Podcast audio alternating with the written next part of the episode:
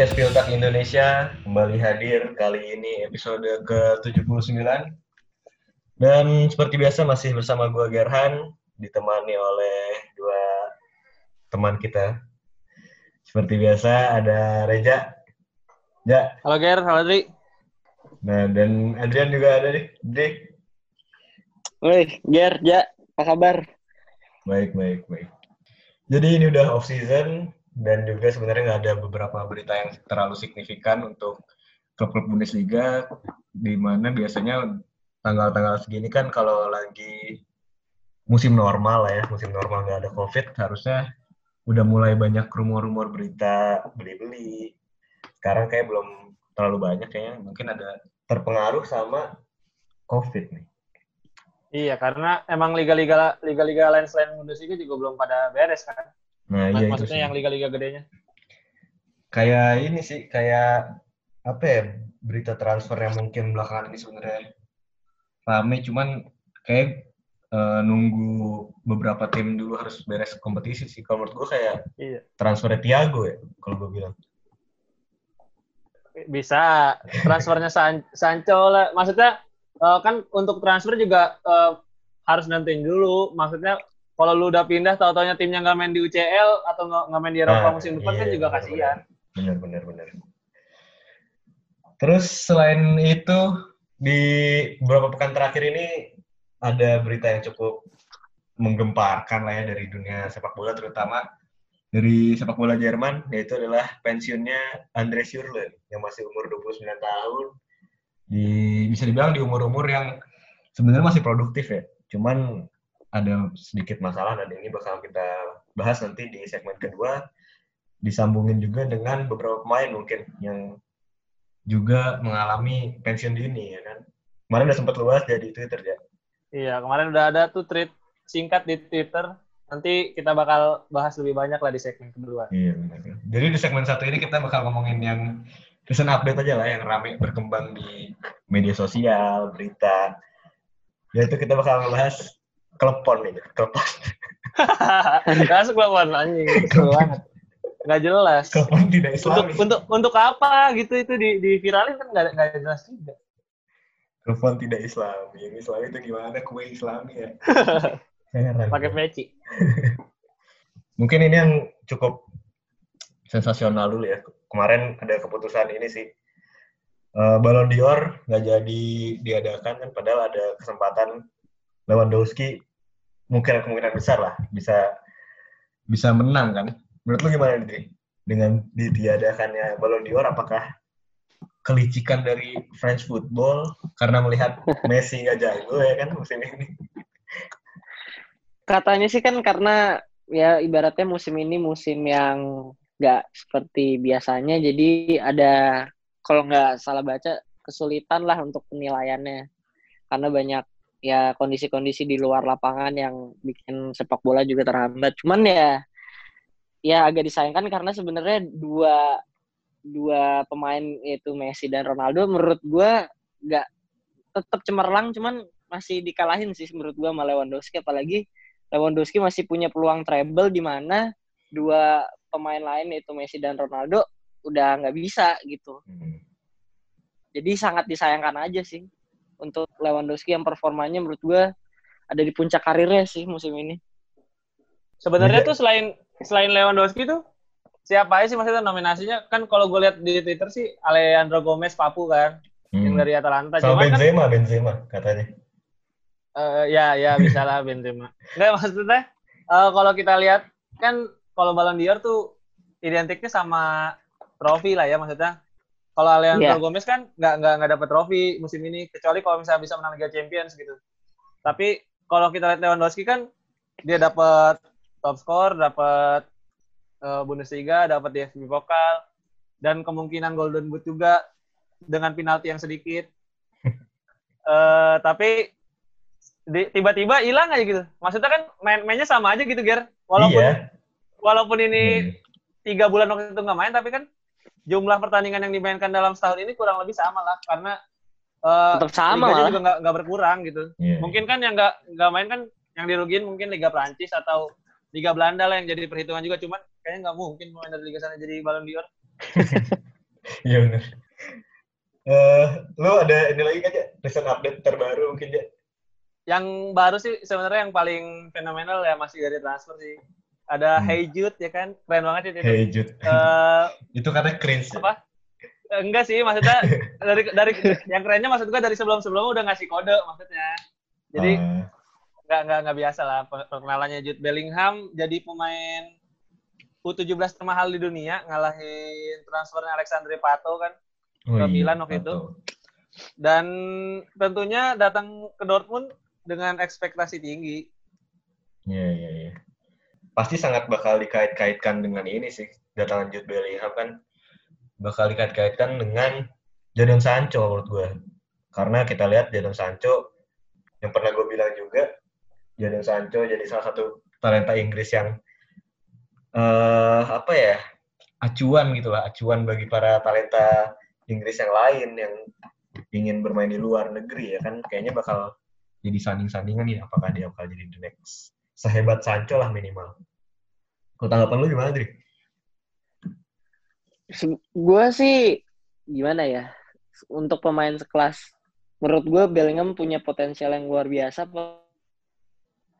apalagi di umur dia yang segitu udah main buat Birmingham City musim ini lebih dari 40 kali maksudnya juga menandakan bahwa secara permainan juga dia nggak kalah saing lah sama pemain-pemain senior dan kalau dari media-media Inggris gitu ya kayaknya sering nyebut dia the next Gerrard sih Hmm. jadi tipikal box to box yang bisa juga jadi pemain wide midfield di kiri atau di kanan, bisa juga jadi uh, attacking midfield. Jadi lengkap lah ini pemain yang lengkap banget. Cuman ya itu tadi sebenarnya yang gue agak kurang sukanya karena Dortmund nih udah penuh sebenarnya lini tengahnya kan.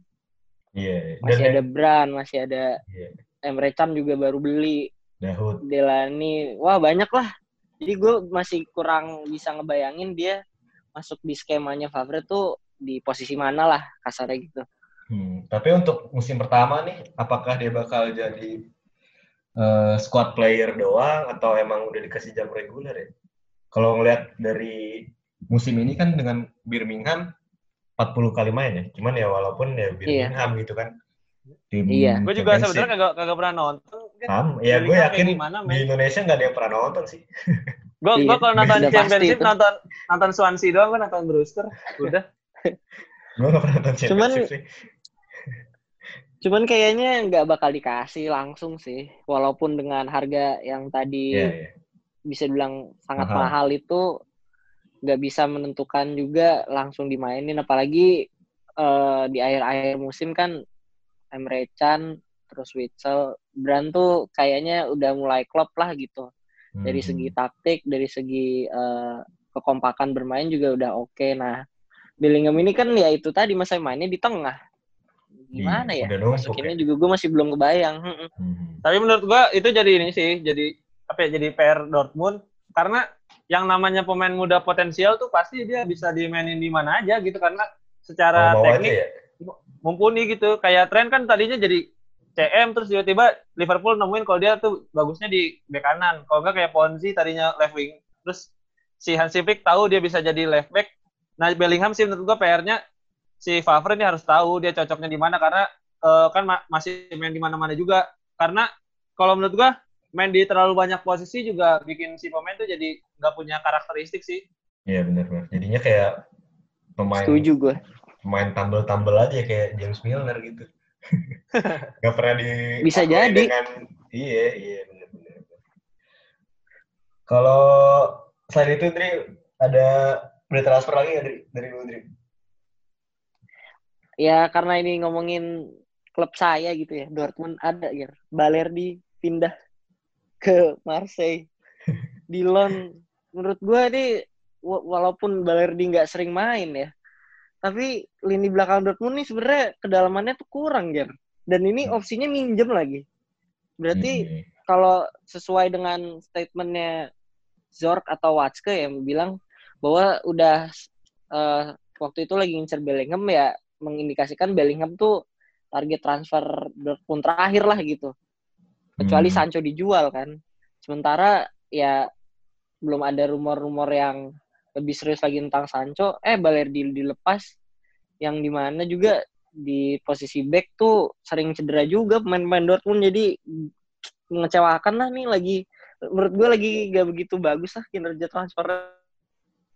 Sebenarnya selain Balerdi ada yang lebih menyita perhatian sih untuk pemain loan karena ada Hannes Wolf yang musim ini bakal main di Borussia Mönchengladbach kembali bereuni dengan Marco Rose setelah musim lalu uh, bisa dibilang bukan musim yang bagus untuk Hannes Wolf di RBL karena cuma main lima pertandingan dan itu juga nggak ada yang starter dan kayaknya mungkin bakal bisa kepake sih menurut gue dibandingkan di RBL kemarin.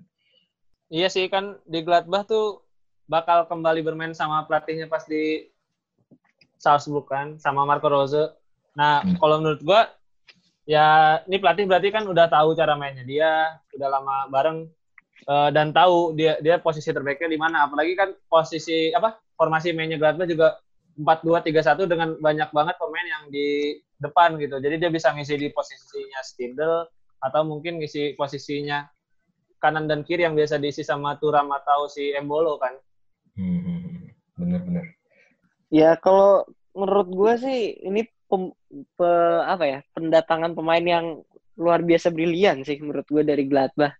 Lagi masa pandemi gini mendapatkan pemain yang udah pernah dilatih oleh Matt Koros tuh menjadi nilai plus tersendiri lah. Dan ya itu tadi karena posisi menyerangnya itu banyak diisi pemain menyerang, maksudnya ada berarti ada empat lah ya, hmm. empat dua tiga satu. Jadi benar-benar bisa ngebantu uh, Gladbach juga, bisa ngebantu juga perkembangan Anas Wolf juga. Jadi menurut gue win-win solution sih. Iya yeah, Apalagi main di Liga Champions butuh banyak pemain kan yeah, untuk dan, selalu fit. Dan nggak akan pernah salah untuk ngelon pemain tuh apalagi si Gladbach ini punya opsi untuk ngebeli kan. Misalkan dia emang jago ya tinggal dibeli. Kayak si Luka Jovic lah musim berapa tuh 17-18 ya kalau nggak salah. Oh, iya. Frankfurt iya. banyak banget tuh gitu. Frankfurt banyak banget kayak gitu dan Rebic, Kostic. Iya, terbukti berhasil kan kayak gitu. Dan dia cuman yang yang pengen yang pengen gue garis bawahin sedikit uh, dengan kepindahannya Wolf ke Gladbach tuh sebenarnya beberapa pemain yang pindah mutasi ibaratnya dari Salzburg ke Zik ini nggak nggak nggak nggak berhasil akhir-akhir ini kan kayak si Hannes Wolf, Amado Haidara juga belum dapat tempat utama, hmm. terus Tyler Adams juga maksudnya belum spesial spesial banget kan yang dari yeah. New York Red Bulls. Jadi sebenarnya ini jadi lampu lampu merah sedikit lah buat buat Wang Hichan yang baru pindah ke Leipzig juga kan. Jadi uh, beberapa pemain terakhir ini yang bagus justru yang didatangin dari tim selain dari Red Bull gitu kan kayak si Dani Olmo sama Christopher Kunku malah hmm. yang langsung nyetel. Tapi emang si Hannes Wolf ini kalau menurut gue emang kurang beruntung aja sih dia datang kan kalau nggak salah langsung cedera ya bro bulan setelahnya tuh masih masih preseason lagi. Apa Enggak, dia cedera ya? tuh dari sebelumnya ya? Cedera tuh pas pas Euro. akhir musim, ya kan?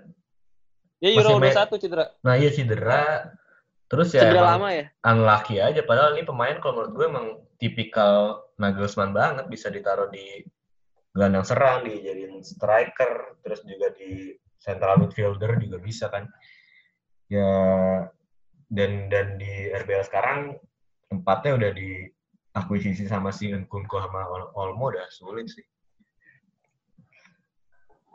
Recent update yang terakhir nih sebenarnya gimana ya? Gue pengen bahasnya nih menyedihkan iya gitu maksudnya.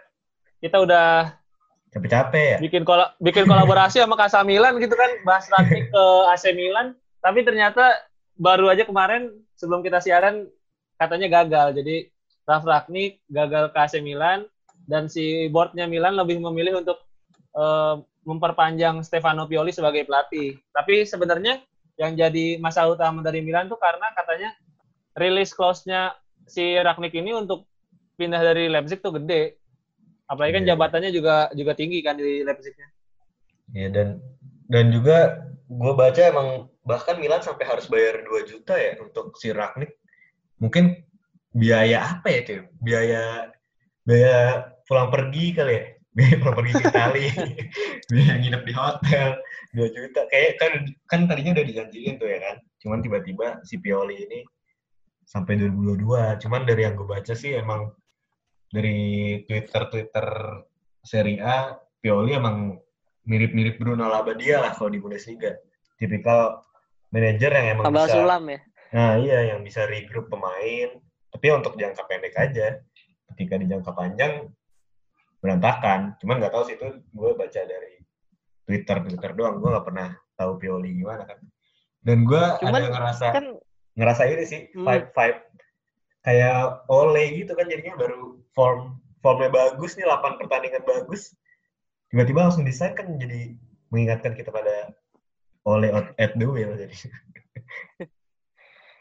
menurut gue juga karena eh, kepengaruh juga sama Pioli hasilnya sekarang sih setelah apa, eh, mulai lagi Serie A kan performa AC Milan menanjak banget kan. Hmm. Mungkin kalau performanya Milan mungkin stagnan, ya Milan ya nggak ada masalah sih menurut gue ngeluarin uang iya 2 juta euro lah ibaratnya untuk seseorang yang sudah ibaratnya senior banget lah di sepak bola Jerman gitu dan terkenal juga mempunyai filosofi bermain dan pintar juga untuk nyari pemain kan. Cuman ya menurut gue ya itu sih setuju gue sama Gerhan. Kayaknya lagi terlena aja nih sama Pioli sih. Jadi ya udahlah Iya. sekalian gitu. jadi siapa yang kalah nih dari tidak jadinya Ragnik ke Milan nih Milan lah kalah. Milan sih kita sebagai Milan. karena podcast karena Bundesliga Rangnick harus harus support orang Jerman Iya betul. enggak karena gue ada rasanya karena Ragnik katanya bakal dapet job baru lagi udah udah ada yang nawarin lagi katanya. dari mana tuh Ada sumber dari, dari Twitter katanya emang Oh. udah ada pembicaraan sama tim baru dia. Oh, ya bagus lah. Karena ya sayang aja kan dengan pelatih dengan visi kayak gitu. Ya mungkin Milan main aman, cuman ya bisa jadi kan dengan main main aman itu dia melewatkan sesuatu yang hebat gitu loh di tangan Rangnick gitu. Udah sih di segmen satu nggak ada pesan update terbaru lagi itu tadi. Berarti kita bakal masuk ke segmen 2 dan kita bakal ngomongin Andre Schürrle dan pemain-pemain yang bakal eh yang bakal yang juga pensiun dini nih. Jadi nantikan saja di segmen kedua.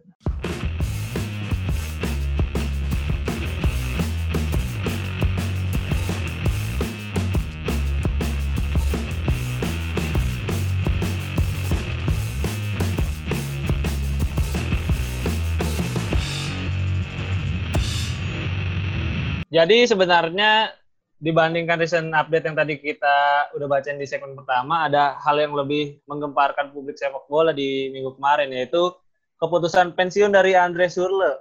Hari apa sih? Hari Hmm. Jumat atau Sabtu ya Hari kemarin? Jumat malam dah kayaknya. Kalau di Indonesia ya Jumat malam.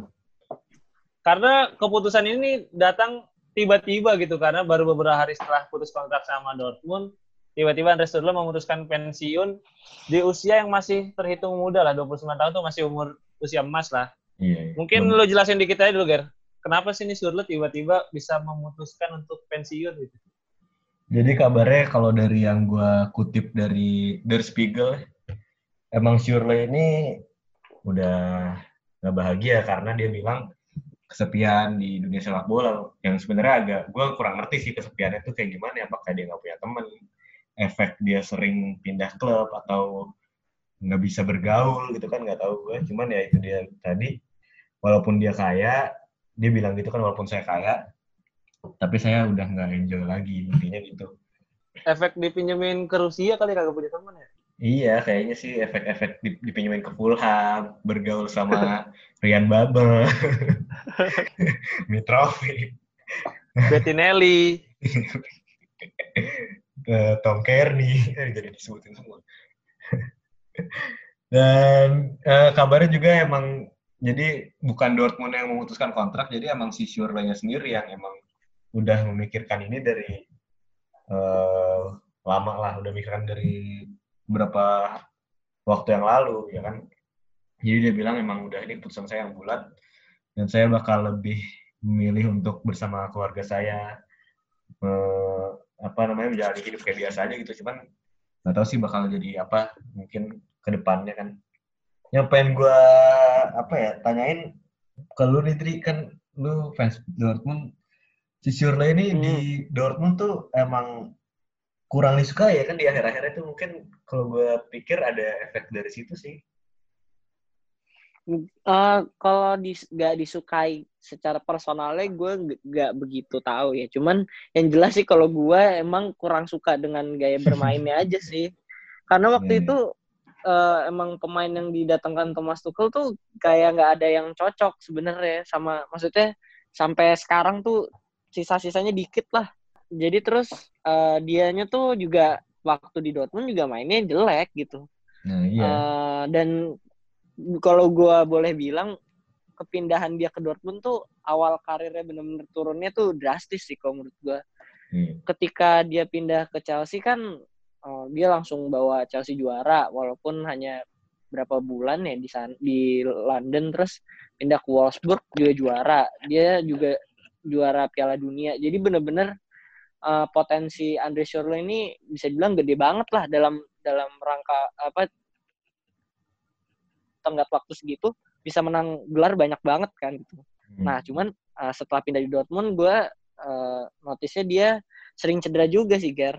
Sering cedera, performa juga turun, pelatih juga ganti-ganti terus kan di Dortmund. Jadi ya nggak kaget sih melihat uh, progresnya dia setelah cedera dan pindah ke Dortmund itu nggak nggak ada lagi setelah itu gitu.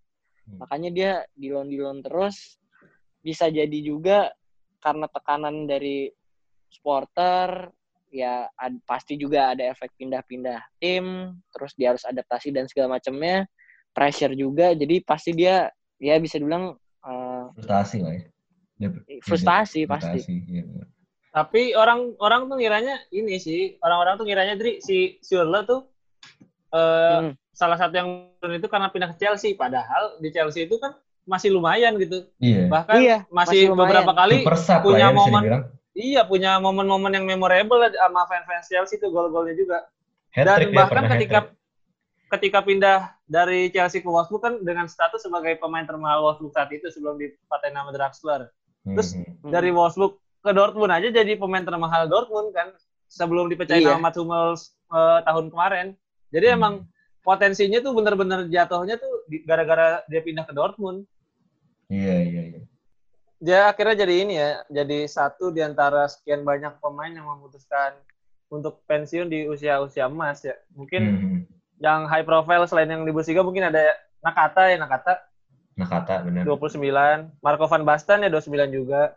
Yeah. Cuman di Bundesliga ini ternyata banyak banget sebelum uh, si Surle juga beberapa tahun terakhir tuh ada si uh, Stefan Reinhardt sama nah, Arjom Rutnevs yang yang masih sebenarnya masih punya waktu untuk bisa main di Bundesliga lah masih masih levelnya. Hmm. Mungkin kita bakal bahas beberapa pemain lah ya yang cukup memorable dan uh, sebenarnya masih menurut kita gitu masih bisa untuk main di level teratas lah kalau dia nggak pensiun. Dari lu dulu mungkin kan? Kalau dari gue ya ini seumuran sama Surle sih.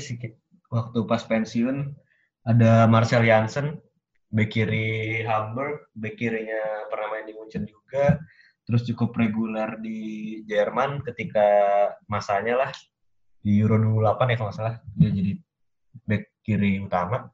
Hmm. Dia pensiun di umur 29 dengan alasan yang sebenarnya agak nonsens juga sih menurut gue.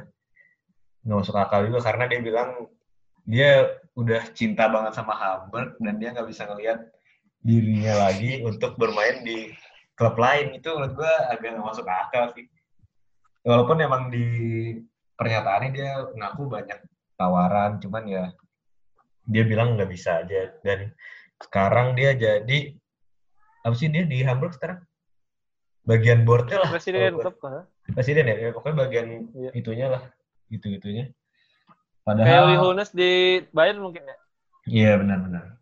Padahal ya Johnson ini bisa dibilang pemain yang bagus lah ya untuk ukuran main Jerman di timnasnya main 45 kali, terus juga pernah main di Bayern, ini udah jadi tolak ukur yang sangat luar biasa kan? Ya. Tapi untuk menurut gue sih, maksudnya ketika itu kan dia masih statusnya tuh masih bolak-balik timnas juga kan, kayaknya kalau bisa dia nggak nggak pensiun tuh bisa masuk yang Piala Dunia 2014 tuh masih bisa masuk kan nggak ada dia tuh dia kan itu. pensiun 2015 dia pensiun 2015 Enggak, enggak 2015 kan? 2015 tadi gua habis ngecek di Google soalnya. 2015 baru pensiun. 2015 gitu? 2015. 8 Juli dulu. Jadi akhir musim 2014-2015 dia baru pensiun. Ya, sebenarnya masih bisa ada lah 2 3 musim untuk seorang back kiri. Karena karena ketika dia pensiun juga ini dia bilang udah dapat tawaran dari banyak klub juga ya. Nah iya Tapi itu. dia nolak. Cuman ya itu tadi gue nggak nggak terlalu percaya sih.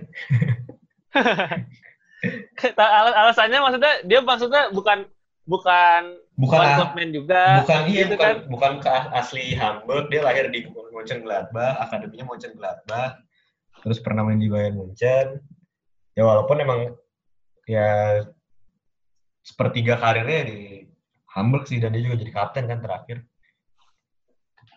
Kalau lu Dri ada lagi nggak Dri? Siapa Dri?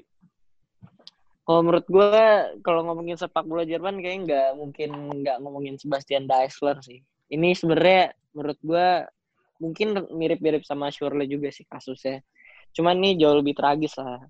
Ini Daisler kan sebenarnya udah dari umur kalau nggak salah di Piala Dunia U17 tuh eh, pemain terbaik kedua di tahun 97 kalau nggak salah dan emang eh, semua sepak bola Jerman itu berharap pada dia karena kan waktu itu generasi Jerman udah bisa dibilang udah pada tua lah ya. Dia Iya. sama Michael Ballack tuh ibaratnya jadi tumpuan lah, ingin jadi tumpuan. Cuman awal karirnya dia di Munchen itu sebenarnya emang udah agak jelek sih. Jadi dia itu kan sebelumnya main di Hertha Berlin. Nah, Her eh, Bayern Munchen eh, mau beli si Daisler kan. Cuman entah kenapa ada ada negosiasi di belakang layar pokoknya intinya Sebastian Daisler dapat uang 20 juta euro ya kalau nggak salah nih ya. Tapi itu masuk ke kantongnya dia sendiri lah sebagai bentuk udahlah biar biar cepat pindah ke Bayern.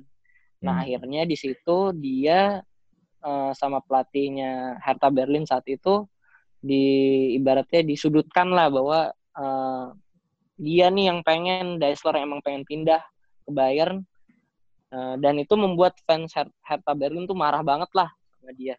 Nah dia eh, habis itu pindah ke Bayern Munchen, Eh, lumayan lah awal karirnya, tapi eh, ya cedera terus, gak, bi- gak bisa balik dan balik ke performa sebelumnya.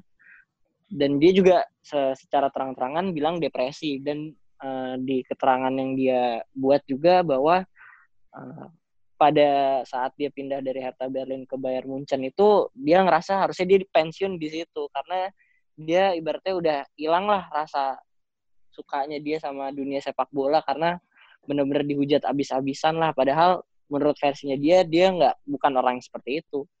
Hmm. jadi bener-bener Daisler nih tragis lah. Kombinasi dari cedera dari depresi dari eh, tekanan fans dari banyaknya apa ya banyaknya harapan yang ada di dia dan dia hancur lah ibaratnya gitu Iya. dan memang karena depresi Generational talent lah ya. Iya. Umur, umur berapa sih dia? Umur waktu itu? 26 ya? umur dua enam dua Pas pensiun? Pas pensiun? Segituan juga ya? pas pensiun iya segitu Oh, iya sih. Dan dan kalau nggak salah emang pada masa itu kan Jerman lagi masa-masa transisi lah dari tim-tim tua tuh dari siapa sih dulu?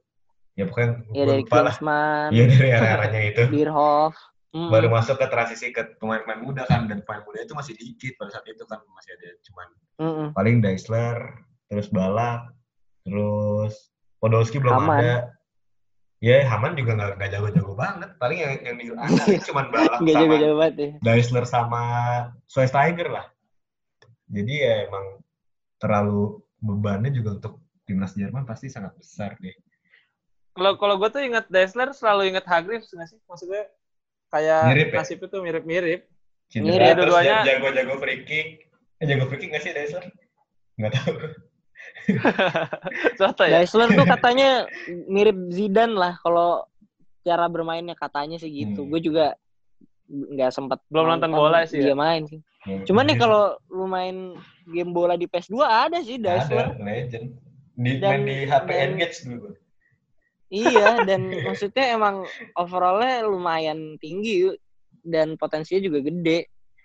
Ya itu mungkin bisa dibilang garis merahnya adalah ya pemain bola tuh walaupun bergelimang harta ya kayak kasusnya di Schürrle, Daisler ya tapi tekanan yang dialami mereka tuh benar-benar tiap hari tanpa berhenti gitu. Iya. Gak hanya di luar lapangan tapi di dalam lapangan juga kan. kalau kalau main jelek langsung dikritik abis-abisan lah baik sama pelatih, supporter dan segala macamnya. Jadi memang gak semudah itulah jadi pemain bola yang udah banyak hartanya sekalipun. Iya. Terus set- setelah gua riset sedikit ya sebenarnya dari sejumlah pemain yang pensiun dini ternyata musuh terbesar itu tetap satu sih. Musuh terbesar itu cedera lutut sebenarnya. Banyak Oh. pemain yang Ya, iya bener Daisler Pak, juga kan. Desa kan cedera lutut. Kalau yang baru-baru mungkin dari Scuderi tuh para Wat yang pas ke, 2019 keputer ya. kan? Keputer itu. Iya yang keputer tuh lututnya ya. Kaki kan itu 21 tahun yang di belakang, jadi kayak ayam gitu nekuknya. Iya ngeri ngeri banget kan Ngilu itu. banget. Dan Aduh. eh, Tapi- banyak juga gitu kayak kayak Hansi Flick kan cedera lutut, Uli Hoeneß Si cedera, Nagelsmann cedera juga. Nagelsmann. Nagelsmann cedera lutut. Thomas Tuchel Thomas cedera Tuchel ya. lutut. Mm-mm.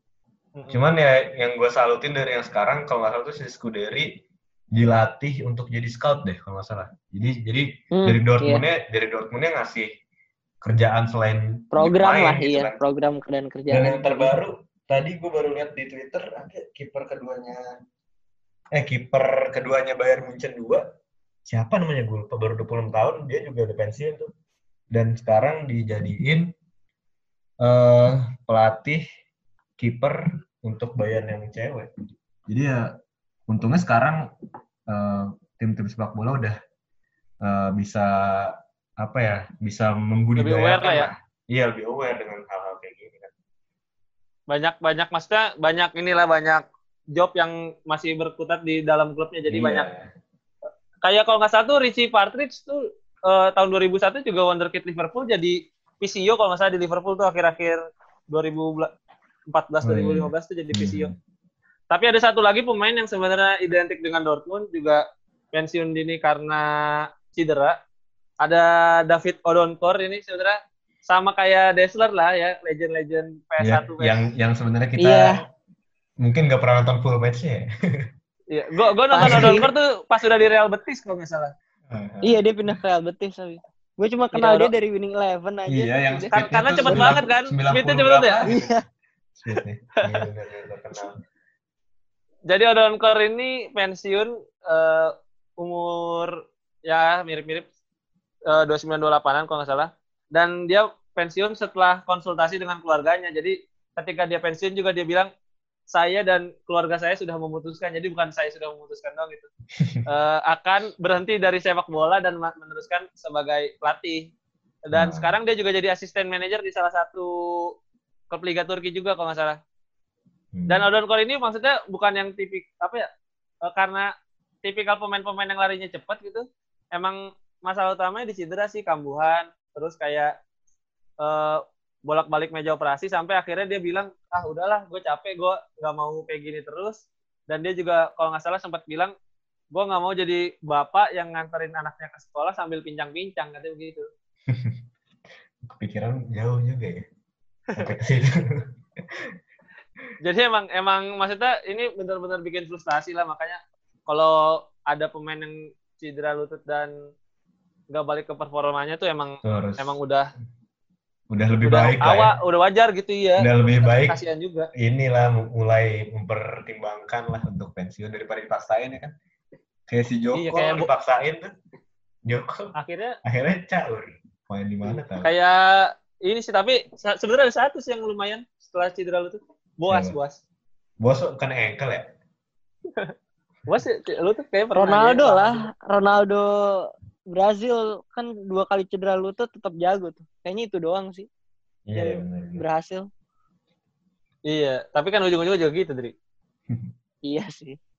Cuman gue nggak mau maksudnya bilang eh, keputusan Surle ini sebagai apa ya? Sebagai berita yang menyedihkan karena sebenarnya ini kan balik lagi ke si pemain karena Hmm. eh, jalan hidup dia setelah di sepak bola juga Penting. bisa aja lebih baik gitu ya walaupun sebenarnya banyak yang aneh-aneh juga kan. Mhm. Dan gue kesel ketika wah padahal masih bisa main di Cina tuh, padahal masih bisa main di MLS. ya udah lah gitu hormati sama keputusan dia gitu lah ya. Kalau emang karena emang motifnya bukan uang lagi, karena dia udah udah kaya lah, udah total transfer. Iya, buat apa lagi ya?